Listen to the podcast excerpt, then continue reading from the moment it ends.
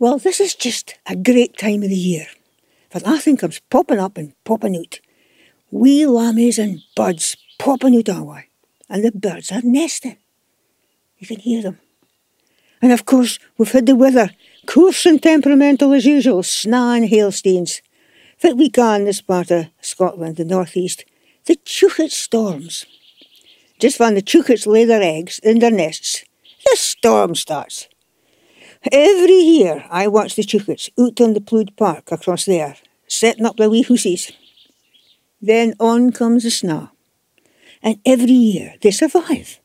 And on comes the tractor, harrowing the Plood Park. And the roller comes and flattens the earth for the seed. If it happens to the chouchets, well, I can only fear and dread. But somehow they survive. And they aye come back here, to the same spot, to the same park. Fit why can they nae just nest in this grass park? Just a year, let me nae worry about them. Chouchets, well, it's a Scots name for lapwings. The peasy or the peeweet, these are my favourite birds. A joy to behold when, when you see a flock of them off in order. Well, in this episode, we're speaking about birds, beasts, and bugs. Stories, songs, and nothing. And I'll be in the company of Richie Werner, Dave Mitchell, and Gary West again. So, join me as I wander across the park to the magical music via CD card Birds and Beasts, featuring the compositions of Martin Bennett and Fraser Fifield. Enjoy the journey. I'm Frieda Morrison. Welcome to Scots Radio.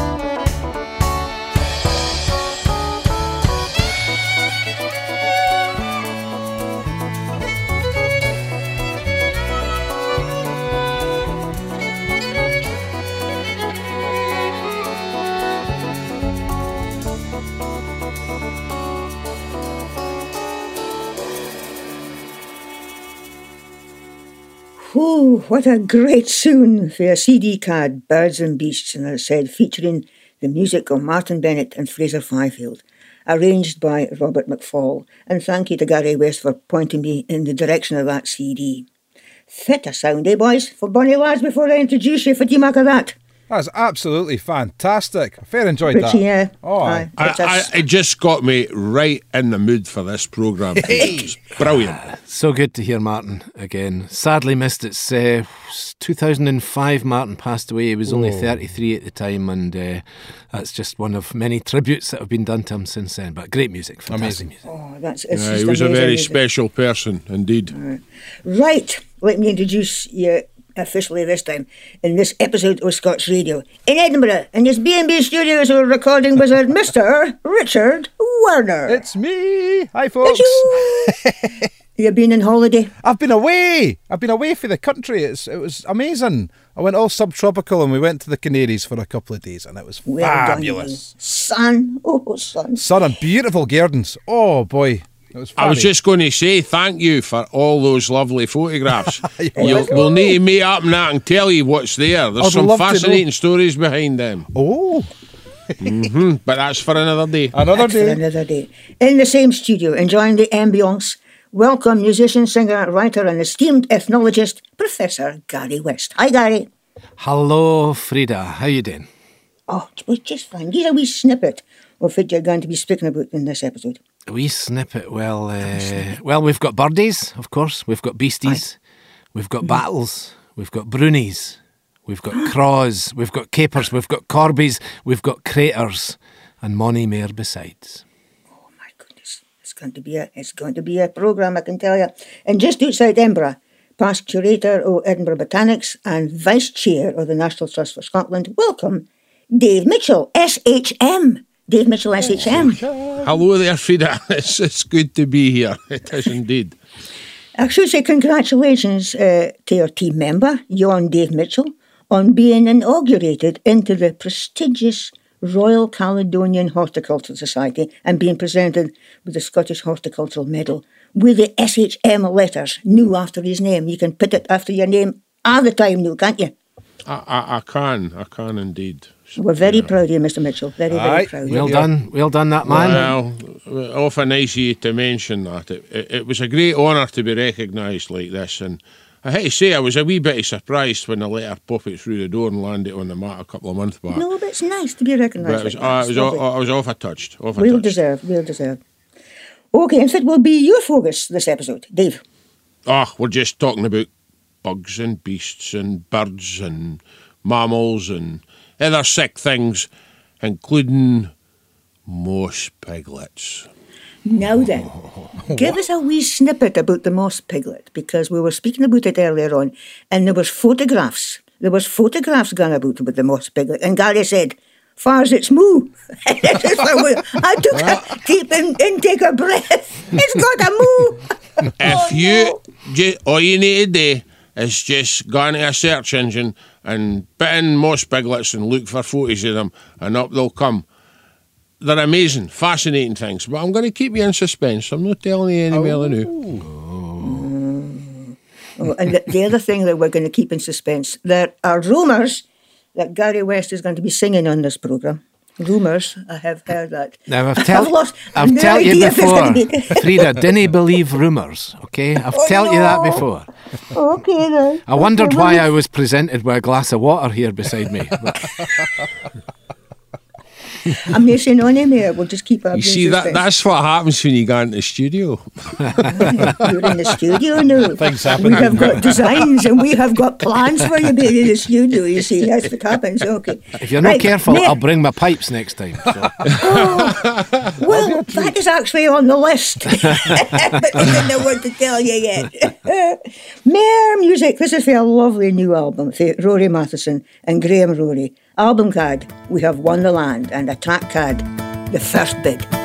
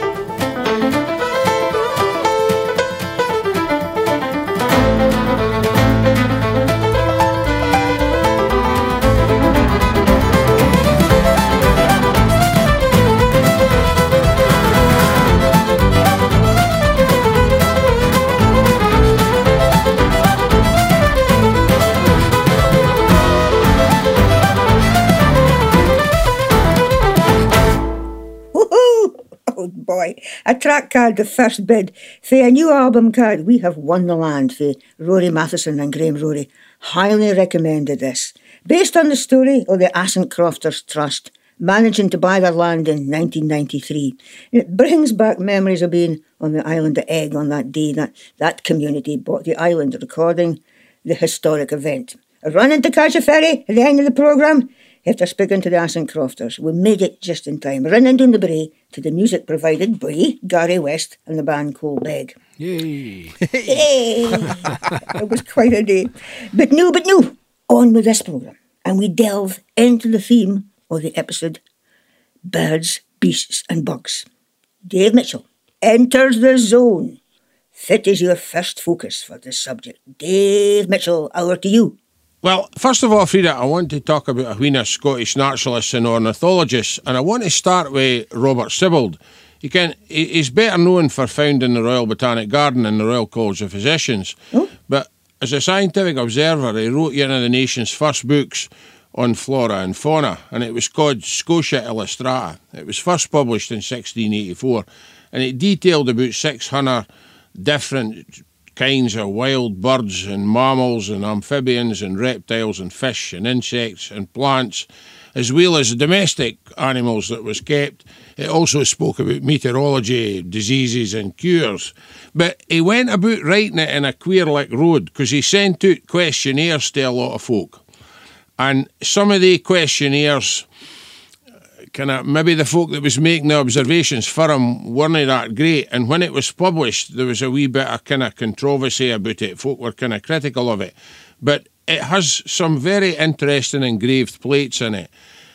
You know, and it, it's an a bonny book. And even today, I think it still has quite a value because it has. It's like a snapshot of what was living in Scotland at that time.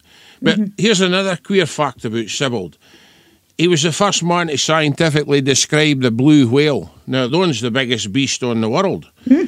And he named it after himself. He called it Sibbaldius.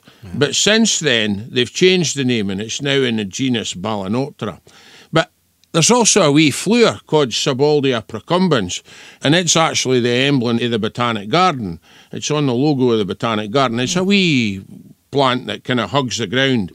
And, you know, that's where the name procumbent comes from. Now, I just can't imagine Sibbald being procumbent. So why he choose to name the genus after himself, I don't ken. Okay, what about the, the other folk? More of the same. I, I, I think he just kind of gone past Robert Jameson.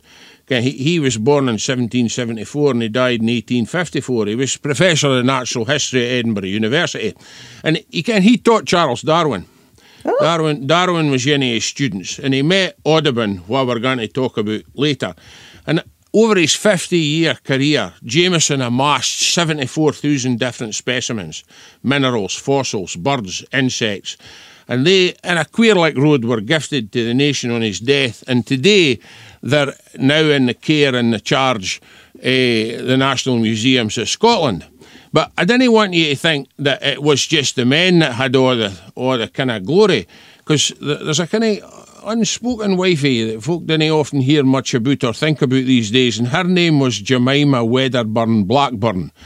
And she was born in 1823 and died in 1909. And she, she, she was a wonderful illustrator and an artist, not just about rural life in the Highlands, but she produced a braw book called Birds Drawn from Nature, and it was published in 1868. And, you know, the quality of the observations in it are, are so good, they're actually said to have inspired Beatrix Potter in her youth. And Beatrix was admired her work all her life. And there is a commonality in approach when you look at them. And it's even said that Jemima Puddleduck in Beatrix's books was actually based on Wedderburn. And Darwin admired her work and all because he, he quoted her work in The Origin of the Species. And then, you know, we're going to be talking about Alexander Wilson later. He's important along with James John, Audubon, and Gould because Wedderburn's work was that good. She was asked to exhibit in the United States in an exhibition along with them. And then finally, among the artists, you can't but no mention Archibald Thorburn produced about 11 works on birds and mammals in his lifetime, including the seven volume book on the birds of the British Isles, which has 268 watercolours in it. And he actually encouraged another of Scotland's great bird artists, a man called Donald Watson. But that's a story for another day. Ken, we just sit and listen to these gems, treasures you come up with every time. Thank you for that, David. But uh, we're on to the birds and the beasts themselves. What do you make them? Ah, Frieda, that, that's awful hard, you know. But I think there are living icons that are emblems Uh-huh. of the nation, True.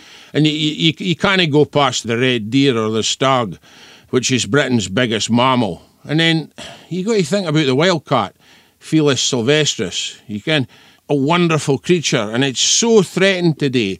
Where in comparison, the red deer, some folk would argue that there's too many and they're detrimental to the environment.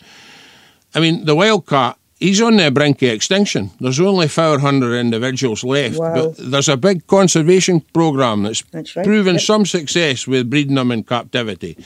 And then you've got the, the golden eagle or the ern. I mean, the one bird has a, a wingspan of over two metres. And it, it, it feeds on birds and mammals like mountain hare and grouse and ptarmigan. And folks say, oh, I've seen an eagle. Listen, when you've seen an eagle, you can you've seen it. It makes a buzzard look like a wee insect in the sky. Hmm. It's so big. And then, of course, well, there's the fella that dances at the lake himself, the black grouse. You know, he's under threat. I know there's only five and a half thousand breeding pairs of them. And it's really become a symbol of the impact of the change in land use on biodiversity. And uh, if you're going about the rivers and the burns, well, you've got to think about the salmon and the otter. Both have been in decline, uh, you know, over my lifetime, but, you know, there is signs of recovery and optimism, especially for the otter. And I, I love basking sharks and dolphins. They're kind of symbols of Scotland in a different way, modern symbols, because there's more of them being seen in our waters. And well, you just got to mention the red squirrel and the pine marten, you know. I mean, both make your heart sing, they really do. I was just thinking when you were speaking about the red deer, one of my favourite series I did in, Radio Scotland was a series called Out with Archie, a gamekeeper. We just fucked our around the Scottish countryside speaking about, you know, game shooting and preservation that's in, and conservation. But we were just lying ahead in a little grassy knoll covered in snaw uh, up near Braemar, the glen up there. And we were lying down, she said, no, get down, get down low because there's a there's a, a, a deer with our calf just over, over us wee hummock. And we're all sitting, we're just both sitting quiet watching them. And then suddenly Archie says, damn it. I said, Fit, I've got snaw in my beats. it's just like, why that moment just, I remember, so, damn it, got my beats. Only why, Dave, after all you're, you're hooking about, are things in good heart? Oh, Frieda, that's a hard question to answer. Again, I've thought about this list in the last two days since I put it together. And it saddens me that most of these birds and beasts are in decline. And they've been like that over my last 60 years. Granted, there has been moments of light as we try to turn things around, and we have made some progress. But I can't help but say, at 63 in my lifetime, these creatures have been pushed back further and further into wee protective enclaves due to the destructive action of ourselves and our negative impact on the environment. We have to change our ways. It's their home as well as ours. Mm-hmm. And, you know, there's no use having these icons on a short breed tin. You need to make sure they're safe and respected and thriving in their world, watching you and your world watching them, going about their business in peace. You're just singing for the same bucket, I would say, David, for, for all. We just need to be sure that our grandbairns' grandbairns will be able to see them and that they're not just a digital memory. That would be awful sad. Thank you, Dave Mitchell. All will be well again, I know. We will look forward to your next focus later on. Bugs, not for the faint-hearted. I mention only briefly moss piglets and water bear. Kid you not? They are in the moss and they've got moose. Ah, Near a bit of music again for a super new album called Leaving Lurgan Green, featuring a debut solo album for Sarah Markey, dedicated in memory of our granny, for I was Lurgan Green in County Louth in Ireland. Album featuring a mix of Irish, Scottish, and Spanish for Sarah's experience of living in Spain. Now, Sarah was a BBC Radio Scotland Young Traditional Musician of the Year finalist in 2019. And this is the title track, Viven Lurgan Green.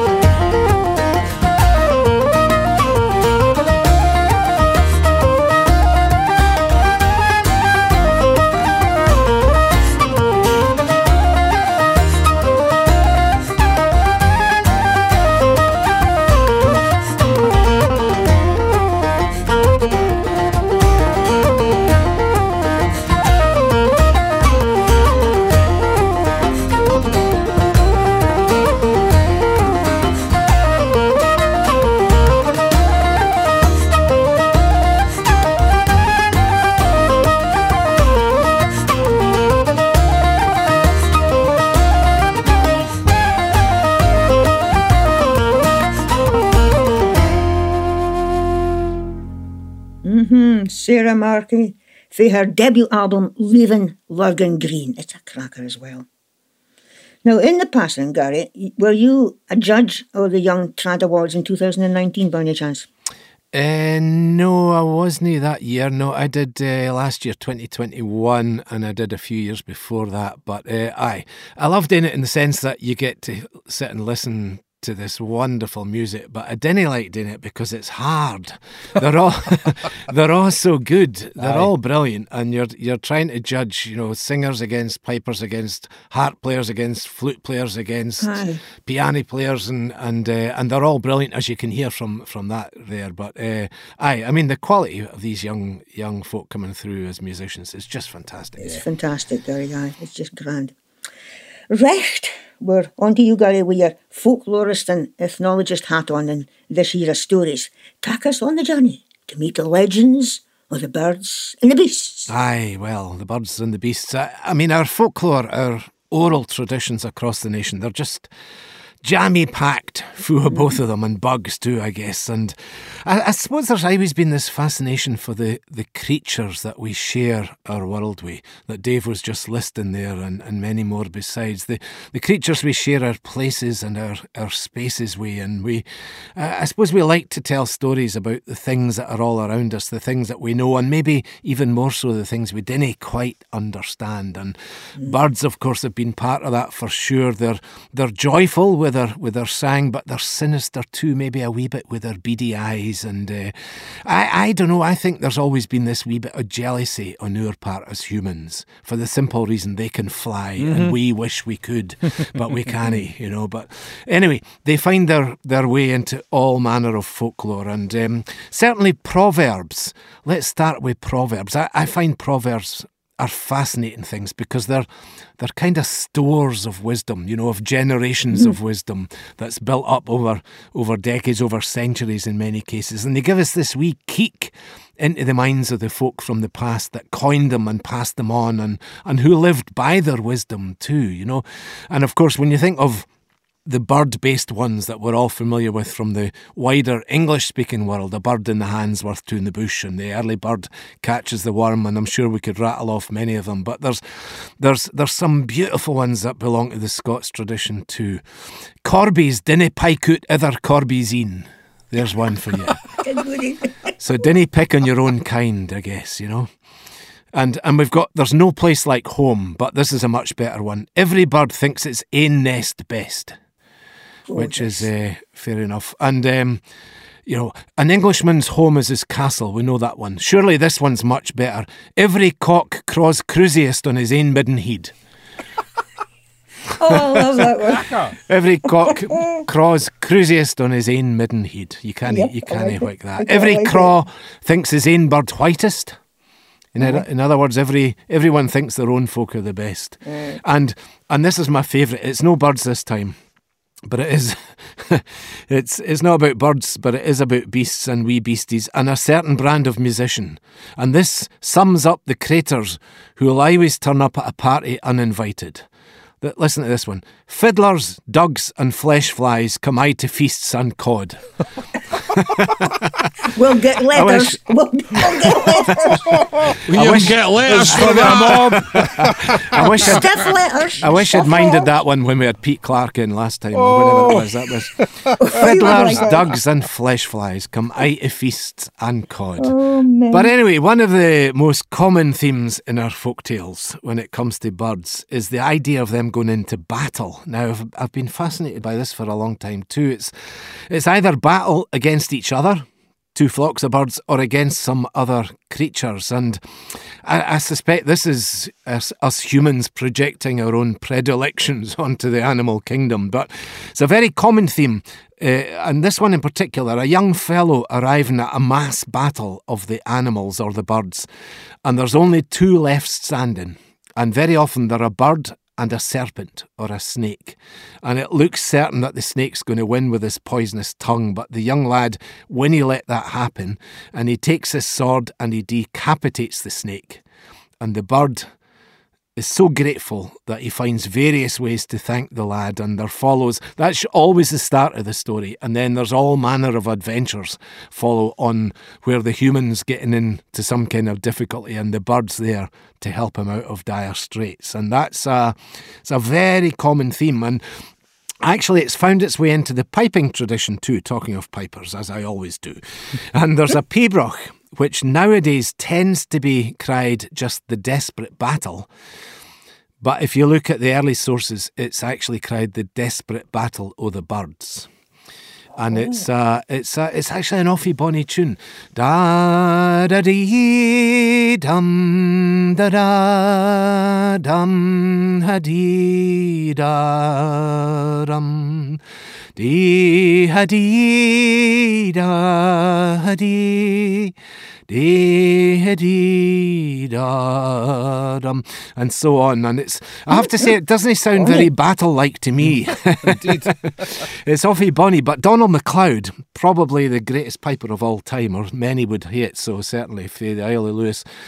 When he he always said when he played that tune, he imagined the different parts of the tune corresponded to the different bit, bits of the battle. So that that bonny wee bit I've just sung there is is the kind of gathering, and the birds are, are sort of taking their place at, at the battle. And then it does get a wee bit more ferocious later on uh, when they're actually having the battle, and then he detects in one of the variations the, the the the kind of cry of victory of the victors, but also the mourning of the deed uh, for the other side as well, and and it's all packed into that one tune, the desperate battle o' the birds, and I, I could go on at length about birds in our lore, but um, I quite we mention of the beasts as well. Dave, you were mentioning the red deer. You you were picking up a nice wee story about that too, Frieda. There, and of course the deer is deeply entrenched in Scottish folklore, but so too many many other kinds of beasts as well.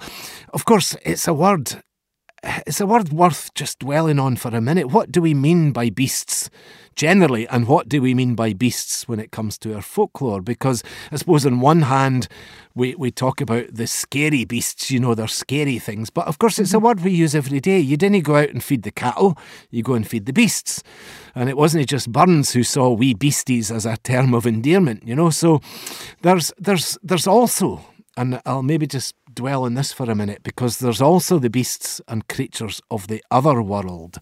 The mm. other world that we can't quite see, we can't quite hear, but we can it's there. Sometimes humans are, are enticed into it, you know, Thomas the Rhymer and the likes, or they come to us sometimes in a kindly way and sometimes less so. And so, of course, we have fairies, we have kelpies, we have selkies, the trows of Shetland, of course.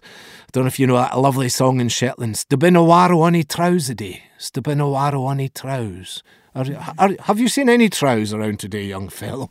And of course, the water horses. You know, there's barely a, a loch in Scotland that doesn't have some kind of creature legend, the each-uisge in Gaelic, or the water horse. And, and there's plenty land based critters too. And my favourite, I have to say, is the Bruni. Do you ken about the Bruni? No. The Bruni. So the Bruni, well, uh, there's a lovely description, he says, reaching for his collection of stories here from the great Betsy Whyte. And uh, I, I was lucky enough as a student at Edinburgh University in the School of Scottish Studies to meet Betsy and to interview her. Actually, um, Alan Bruford, the late Dr. Alan Bruford, was teaching us how to do interviews and how to work the equipment and so on and how to come up with our questions. And he said, Tomorrow I'll bring in a guinea pig for you to practice on. And it was none other than Betsy Whyte, who was our guinea pig to learn how to do interviews. One of her stories, she had a lot of stories about the Brunies, but I'll just read the first wee bit of this because it describes the Bruni. And she says, Do you ken what a bruni is? No? Well, in Scotland we have a bruni, a spirit creature. Not only fairies and witches and warlocks and all that kinds of thing, but we have the bruni too. But the bruni was a very helpful spirit. But it didn't take on a very nice form physically. It looked terrible. And everybody was frightened of it, and it kept away out of the sight of people if it could. It was mostly covered in brown hair, like a coconut, she said. it had iron teeth, and its eyes were the same as as if they'd been plucked out and tried to be pushed back in again. And its feet were at least a yard in length, so that everybody was terrified of the bruni, but they'd no reason to be. A bruni was never heard to do any harm to anybody. Mm. So there you go. And there were these creatures that all lived with a family, and families had these brunies and they looked after them. I think I know where J.K. Rowling got some of her ideas from for that one. Um, so, aye, the bruni. But um, Anyway, and I've not even started on songs and ballads there. That's that's all the, the folklore and so on. But of course, the classic. The classic, Gary. Are you going to do it? The classic, the Twa Corbies. Aye. aye. Well, my glass of water's here, so I better not put it to waste. But aye, uh, a, a, very well known ballad. I'll give you a wee, a wee blast. Wow. As I was walking a lane, I heard twa corbies making men. The ten and tay the tether did say, oh, where shall we gang and dine the day? Oh, where shall we gang and dine the day? Well, in the hind yon old fell dyke, I wot there lies a new slain knight, and naebody kens that he lies there, oh, but his hawk and his hound and his lady fair, oh, his hawk, his hound and his lady fair. His hound is tae the hunting gain, his hawk to fetch the wild fowl hame, his ladies ta'en another mate. So we maun mak our dinner sweet, oh, aye, we maun mak our dinner sweet. Well, you sit on his white horse bane, and I'll pike out his bonny blue in. And we a lock o' his gowden hair, oh, We'll thick nest when it grows bare, oh, we'll thick nest when it grows bare. And there's money's a yen for him Max but nane shall ken where he lies slain. Our his white banes when they are bare, oh, the wind shall blaw forevermore, oh the wind shall blaw forevermore.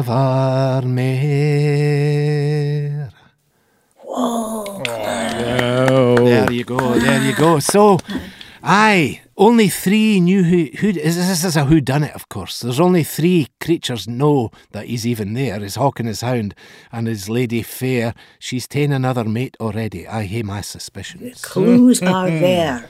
Now then, I'm just going to say, in the next few episodes, we will be here singing. Dave Mitchell will sing a song, and Richie Werner will sing a song because Gary has started the precedent as well. So just to give Aye, you some you, warning. you can you can dream on on that, Ian. Are you sure about that? It's a fa- He kind of she just transported me back to some of the very happiest memories listening to stories with Duncan Williamson sitting in his house, uh, the songs in between the stories, etc., etc. It's just got a real Kelly. Thank you so much for that, Gary. Really appreciate bother, that. nae It's a special journey.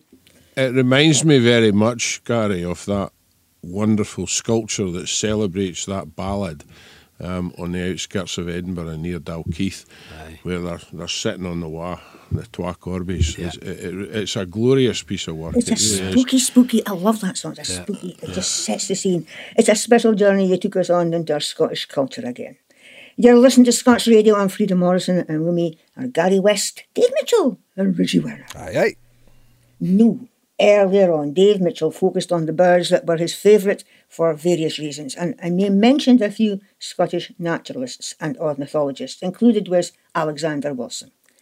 Nae that long ago, writer and musician Hamish MacDonald, past Scots Scriever at the National Library of Scotland, published a book called Wilson's Ornithology and Birds in Scots. We featured Hamish telling us about his book on the Scots Radio website, and I'm delighted to announce that Hamish's book is going to be into its second edition. Such is the popularity. So it gives me great pleasure to hear again that lovely description of that book by Hamish as he takes us on the journey with Scots ornithologist Alexander Wilson to the far off lands of America. Here's Hamish. Hello, I'm Hamish MacDonald, and I'm here to tell you a wee bit about my new book, the recently published Wilson's Ornithology and Birds in Scots. This is a collection of poems, with each poem illustrated by a plate from Alexander Wilson's nine volume American Ornithology, published between 1808 and 1814. Now, Alexander Wilson was a Bjornar character. Born in Paisley in 1766, he would become a weaver. With a turn for Scots verse, he published a collection of poems and worked for a while as a packman, seeking out subscriptions for his poetry while he was on the road. Returning to the weaving, his turn for verse, along with his radical sympathies, would lead to him coming under the scrutiny of the authorities, resulting in three stints in the Paisley Toll Booth jail for his troubles. The first of these conflicts was due to a poem cried The Hollander, describing the harsh working conditions and sleek out practices of the mill owners and pochling the weavers out their hard won siller. He also became involved in a charge of blackmail in an episode in which a wealthy mill owner was sent an unpublished satirical poem on his working practices, with the anonymous sender offering for the poem not to be published in the payment of five pounds. While Wilson denied these charges, it was decreed that the poem was in his style and hon. This resulted in Wilson being ordered to publicly burn his poems on the steps of the Paisley toll booth. He came under potentially more serious scrutiny when he was arrested for circulating a handbill for the Friends of Liberty and Reform. This was in 1794, just one year after Thomas Muir, champion of parliamentary reform, had been sentenced to 14 years' transportation for engaging in political activities. So in 1794, maybe wisely, Wilson walked to Portpatrick where he boarded ship for Belfast, then Philadelphia. It would be the last he would see of Scotland. While in Scotland, there's no doubt that Alexander Wilson must have had a keen eye for nature. Biding in Philadelphia, he worked as a weaver, then as a teacher, by chance coming to bide next to the famous naturalist William Bartram. It was to Bartram that Wilson confided in his grand scheme to illustrate and write about the birds of North America. With a list of subscribers, including President Jefferson, Wilson set off on several epic journeys that would see him cover some 12,000 miles, mostly on foot. Walking from Philadelphia to Pittsburgh, he bought a skiff and rode 720 miles down the Ohio River, afore then journeying all the way on horseback and fit to New Orleans. All the while he would observe, collect, and illustrate ornithological specimens. These journeys, along with an uncompromising work ethic, would lead to Wilson's publication of American Ornithology. He died in 1813, afore the ninth and final volume was completed, at the age of 47, doubtless puggled for his exertions and financial woes. The braw nine volumes of American ornithology are held in special collections at the National Library of Scotland.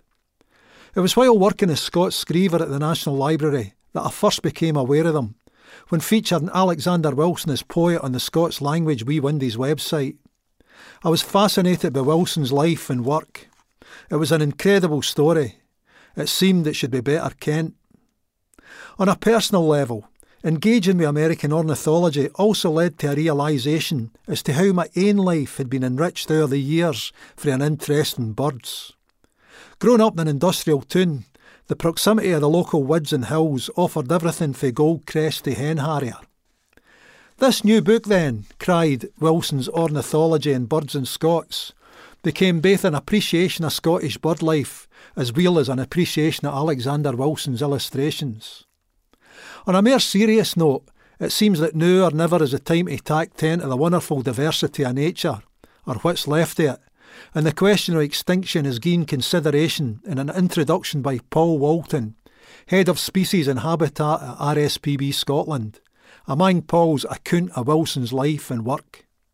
This is a poem about the corby, featuring Wilson's illustration of a craw, alongside an American bird cried the tush bunting, the corby. The corby stands upon a stane this world to determine, to craw some judgment frae his beak a fire and brunstane sermon. When corbies meet in Cattyclure wi' raucous clishmaclavers, wha kens what fash or dulsome ways mon gar secantrin havers. For the vibing Kent to tak the air in coal black murmurations, to carry coffins on their backs to unseen destinations and they hae a word for corby meets. It's kent to scholar and to birder. Where'er they've gathered in a flock, they'll say, There's been a murder. Fantastic. I love that. The amazing Hamish MacDonald. Speaking about his book, Wilson's Ornithology and Birds in Scots. Highly recommended. A fabulous book, now in its second edition. Thank you, thank you, Hamish.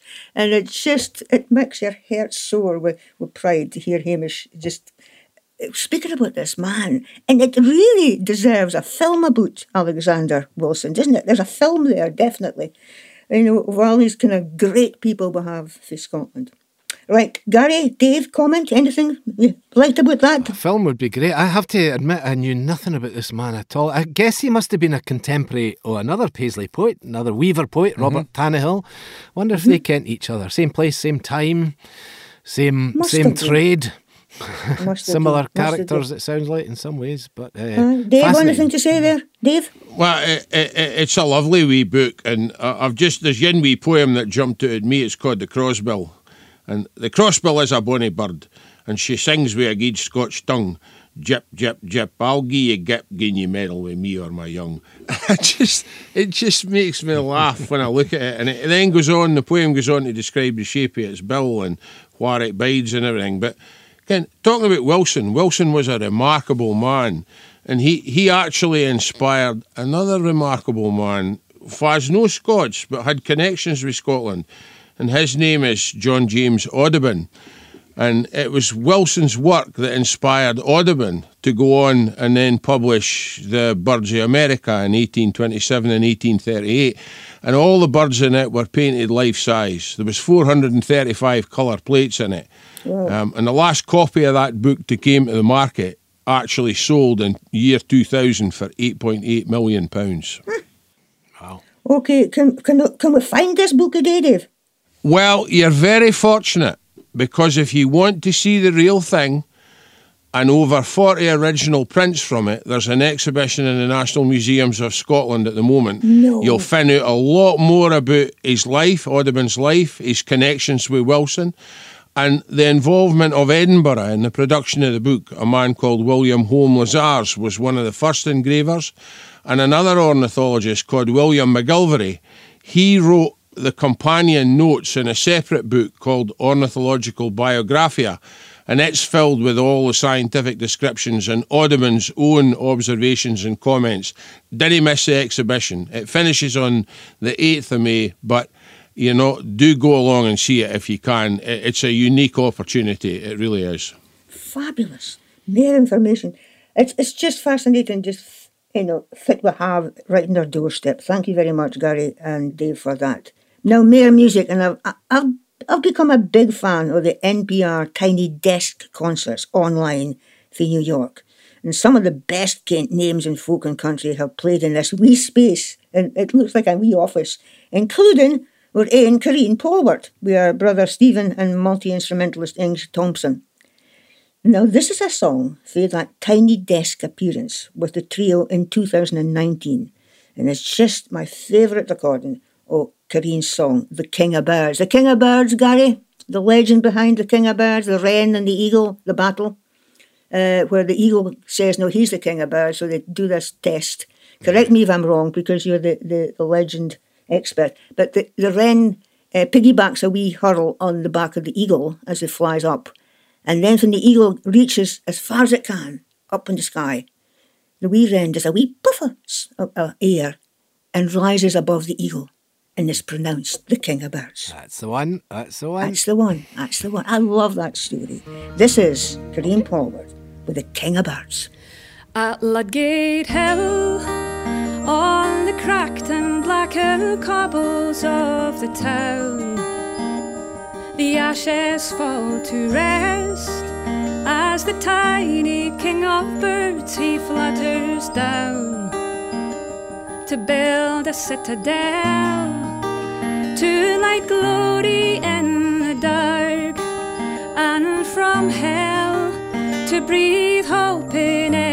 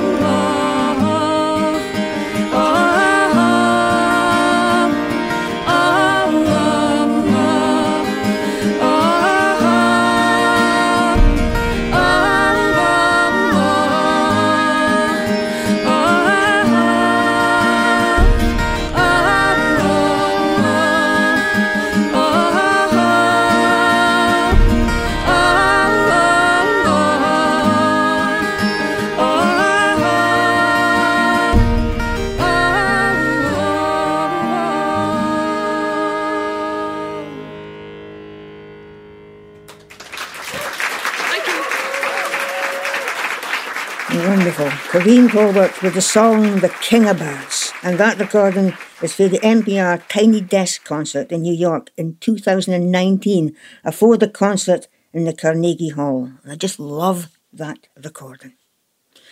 Right, in a wee minute, Dave is going to tell us about bugs. Nay for the faint-hearted, I advise. Nay, our bugs are good news, as I found out for Forester Irvin Ross. Now, Irvin was one of the neighbours that helped me plant and plan my wee woody. But 20 years on, the trees need looking after, a bit like myself. When we cut up the dead cherry trees, we found patterns inside the wood, like Aztec drawings or feather patterns, and they were amazing. Fit was it. So, Irvin joined me out in the wee woody on a frosty morning to hear a look at the strange markings on the wood. Fit is it, Irvin? What's that? Well, looks a bit like a feather on the surface of the wood, doesn't Aye. it? Aye. But the bark's gone and that lets us see it now. Mm-hmm. But what you've got there is the evidence of a bark boring beetle. A bark boring beetle. Aye. You can see see the, the stem of the feather running along there. Well, that's where the adult beetle has bored a hole in the, in the bark, mm-hmm.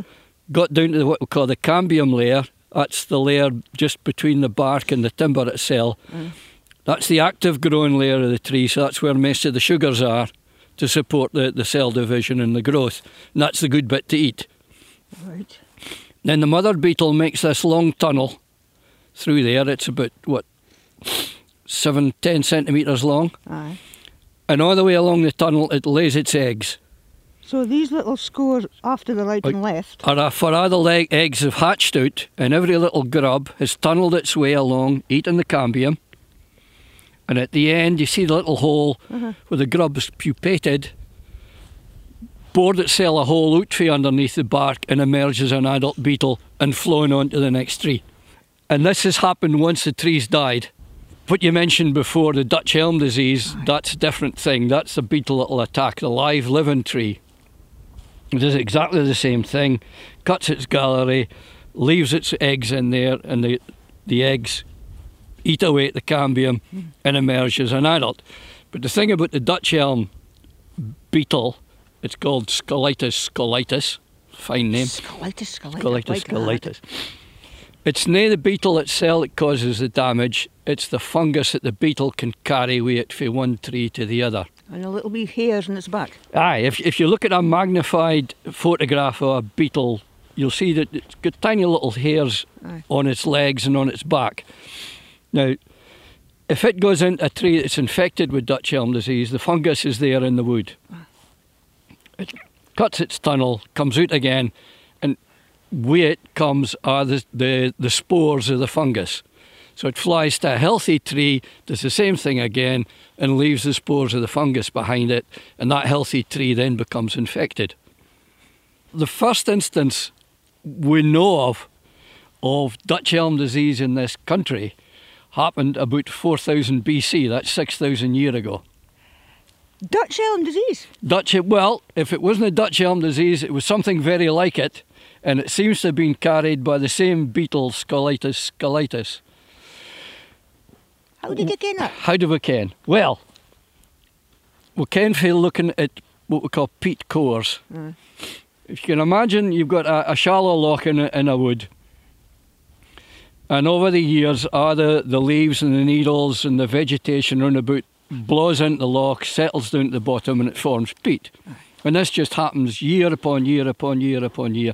So you get layers of peat building up. But it's not just the, the vegetation that falls into the loch, and the other thing that falls in is pollen.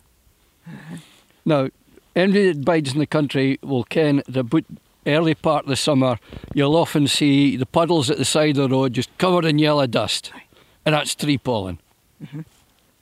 So the tree pollen's fallen into the loching as well, and it's settling to the bottom, and you can see it building up in layers in the peat. Ah. And the other thing that falls in sometimes is the remains of beasties, so you get bits of preserved beetle. So you found them in the samples of the peat. So if you then come along with a, a borer and you take a core out of the peat, you can look back in time over thousands and thousands of years. Mm-hmm. And what we found was, well, I didn't find it, but the scientists did. Somewhere about 4000 BC, we'd been getting lots and lots of elm pollen, and all of a sudden, nothing. All the elms just died very, very quickly. And there was a lot of debate about what was the cause of this. Was it a change in climate? Was it humans coming in and cutting down the trees? But all the evidence we've been managed to put together over the years now, we're fairly clear that it was another instance of a disease, just like Dutch elm disease, that came in and infected the elm trees and virtually wiped them out. And it was about a thousand years before we got elm trees back into this country again. And that seemed to coincide with the start of Fairman. No, that's another chapter. that's ah. another chapter. Well, it, the two were, were combined, you see, because the beetle likes flying along the edge of woodlands mm-hmm. and it doesn't like dense woodland. But when the farmers came along and started thinning out the wood, it made better conditions for the beetle to fly. Mm-hmm. And we think it's the combination of the, the arrival of humans, the start of agriculture, the opening up the wood, making them lighter and further apart, and made ideal conditions for the beetle to fly. And then in came the disease, and the two things combined together just wiped out the elm trees wholesale. Speaking about ideal conditions, my legs are cold. the frost has not shifted. Hasn't it uh, my hands are frozen to the microphone. I can't, can't hold this out any longer. You're just a, a, a you're a, like a walking encyclopedia of trees. everything. I've just thoroughly enjoyed being out here. But you think my wood is looking okay? Your lo- woodies looking fine, your trees are healthy, they're of good size in them for their age as well. Yeah, I'm proud of my little woody. And I'm going to be planting more out here in this corner. Hopefully by the end of spring, because I've got until fit April. Aye, aye. Especially, uh, well, if you, if you've got container grown trees, you can mo- more or less plant any time you like. But Yes, you're better, better is March, April time, aye. Right, so I'll have tubes and everything. Do you want a job? I'm all all. I think I, I'm definitely out. Al- I'm de- definitely out. Al- We're standing here. We're looking over to, uh, to Morven, Done. covered in snow. and We're we're both freezing. I think it's time for a, a cup of tea. I'll go for that. And a big thank you to Irvin Ross for his help in diagnosis. Do you think you make of that, folks? Boring beetles, no good bugs. Gary, have you come across the boring beetles on the way? I'm kind of hoping not, but I might, I might have done. But uh, there's a just uh, no time to tell it, but there's a lovely wee story actually that Duncan Williamson used to tell about why the beetle is blind. Basically, it's interesting because it's one of these Christianized stories that's almost certainly been taken over by a much older theme. And it's basically, to cut a very long story short, it's because the beetle was the one that gave, gave away Jesus's position uh, when they were the Romans were after him, and uh, he led to his demise, and so that's why the beetle was made to be blind. But uh, aye, there you go. Lots of There you stories. go. I never heard of that. Good. Dave, you- you're going to talk up the theme of beetles, I know. And uh, what do you kind about beetles? Oh, Frieda, beetles are a vast subject. I mean, just tucking these boring beetles alone, there's over 6,000 different species in the world. And there's 66 of them occur here in Britain. They're destructive wee rascals. They feed on commercial forestry trees and they do a lot of damage to crops like coffee in the tropics. I mean, these wee scoundrels scamp away at natural woodlands and do untold damage. But they're awful cunning because they, they, they like to make life easy for themselves. So they go for trees that are already stressed, whether they're maybe suffering from drought or disease or overcrowding. They're stressed. And then the beetle guns and it attacks that. And once they find their target tree, they tell all their pals that it's there because they give off pheromones, and they pheromones let their pals ken where to come and get a feed. And I mean, the one beetle that Irvin mentioned, Scolytus scolytus, that spread the Dutch elm disease, the one beetle's pheromones could send messages over 12 miles. What's And a lot of these beetles, they have a queer relationship with a specific fungus.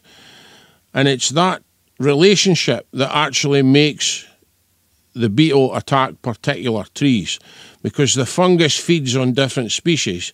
And as it as the fungus feeds on it it makes sugars and the beetle eats the sugars and it just makes the whole thing all the more tasty. So all in all they're no good bugs but they're certainly no boring Goodness me. I just thought, fancy having a best pal, a, a fungus. Oh, my best pal's a fungus. I've got a relationship with a fungus. Just thought about that. Well, I mean, humans have relationships with fungus that are Oh. beneficial and destructive, but we're no going near the day. Well, You're going to say it's the best pal. Okay, thank you for that, Mr. Dave. I kent you would ken something about beetles. And I'm all the better for kenning that. Another track for that new album for Rory Matheson and Graham Rorie, an album called We Have Won the Land. This is a track called The Second Big.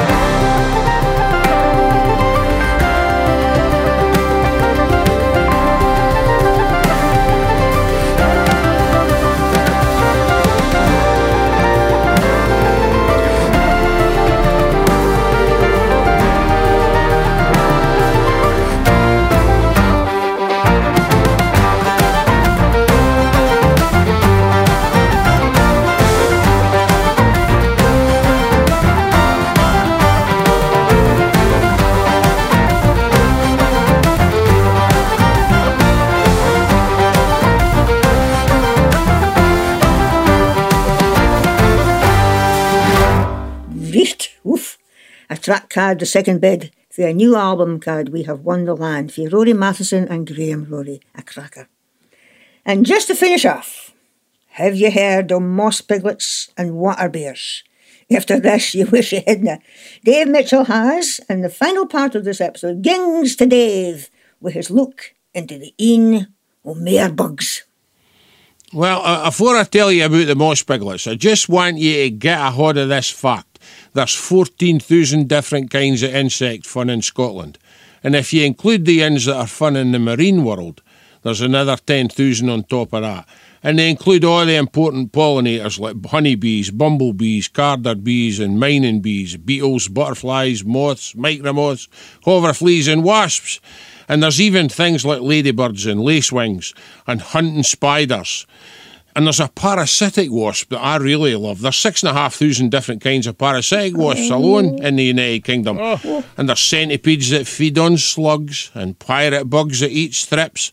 And then Scotland's special wee insects, the Scottish wood ant and the hairy wood ant that make wonderful nests like huge mounds. And they're keystone species that are responsible for healthy ecosystems and pine woods and things. And they disperse seeds. And then, of course, there's the wee scunner, the midge. Do you ken there's 37, aye, 37 different kinds of midges here in Scotland, but it's just yin, Culicoides impunctatus, that's responsible for about 90% of the bites that we get. Right. Hmm. Moss piglets. Oh, ah. moss, moss piglets and water bears. Well, they're both the same thing, and I'm not talking about the cartoon character in South Park. These wee guys are real. They exist in all parts of the Earth's biosphere. You find them from the mountain tops to the deepest depths of the ocean. And they belong to a wee group of animals called tardigrades, and they're able to survive extreme conditions of pressure, radiation, dehydration. There's about 1,300 different kinds in the world, and they've been around for 145 million years plus. In fact, the scientific evidence suggests that they're about f- maybe even as old as 500 million years old. So they've been around a long time. But they've got moos, they've got teeth. Aye, The they've size got teeth, it. but well, they're only half a millimetre long. You can't see them with your naked eye. But if you look at them through a microscope, th- they really are beautiful things. And they, they're- they live in mosses and lichens, and they feed on plant cells and algae and oh, other wee insects and things. You can, they've even been flown into space and exposed to the hard vacuum of space and survived. Now that's tenacity and wee bugs indeed. So Respect. they are going to be the survivors of Arthur. For Ah, near off the face of the earth, there's going to be. They've survived more than you. When when human beings are extinct, moss piglets will still be here. But they've got teeth and moos, and we sit on them. We've, we've had You, it. you probably off parked your bahookie on a pile of moss where you were sitting on a load of moss moss piglets. Didn't worry about it. I'll never sit and do it again. I've never, ever, ever. I'm Well, my dis- mother used to say, "Look down before you sit." You know, uh, well, there's, there's, there's good, good advice in that. So if they come out across uh, or interbreed with the boar and beetle and a moss piglet, we're in we're in trouble. Oh man, eh? Imagine that. A hybrid between a boring beetle, a moss piglet that's in a relationship with a fungus. Humanity's got no chance. Kenneth, I think it's time to shut the shop before we go any further. We'll leave you with the music for the new album for the Kinnaris Quintet. Card This Too, and it's a cracker of an album. A track card. In fact, a word, a word I've often said about this team. A track card, wonderful. Wonderful, Faye. There you go. There's no comment on that one. Listen, uh, I've enjoyed the programme. I thought you have as well, and you've you've you've just enlightened us, ah, bonny loons and lads. You've just given us superb stories. So, for Richie Werner, Dave Mitchell, Gary West, and myself, Frieda Morrison, look after yourself and others. Bide safe and dinna cope. Bye the do. Cheery. Cheery bye. Cheers. Bye.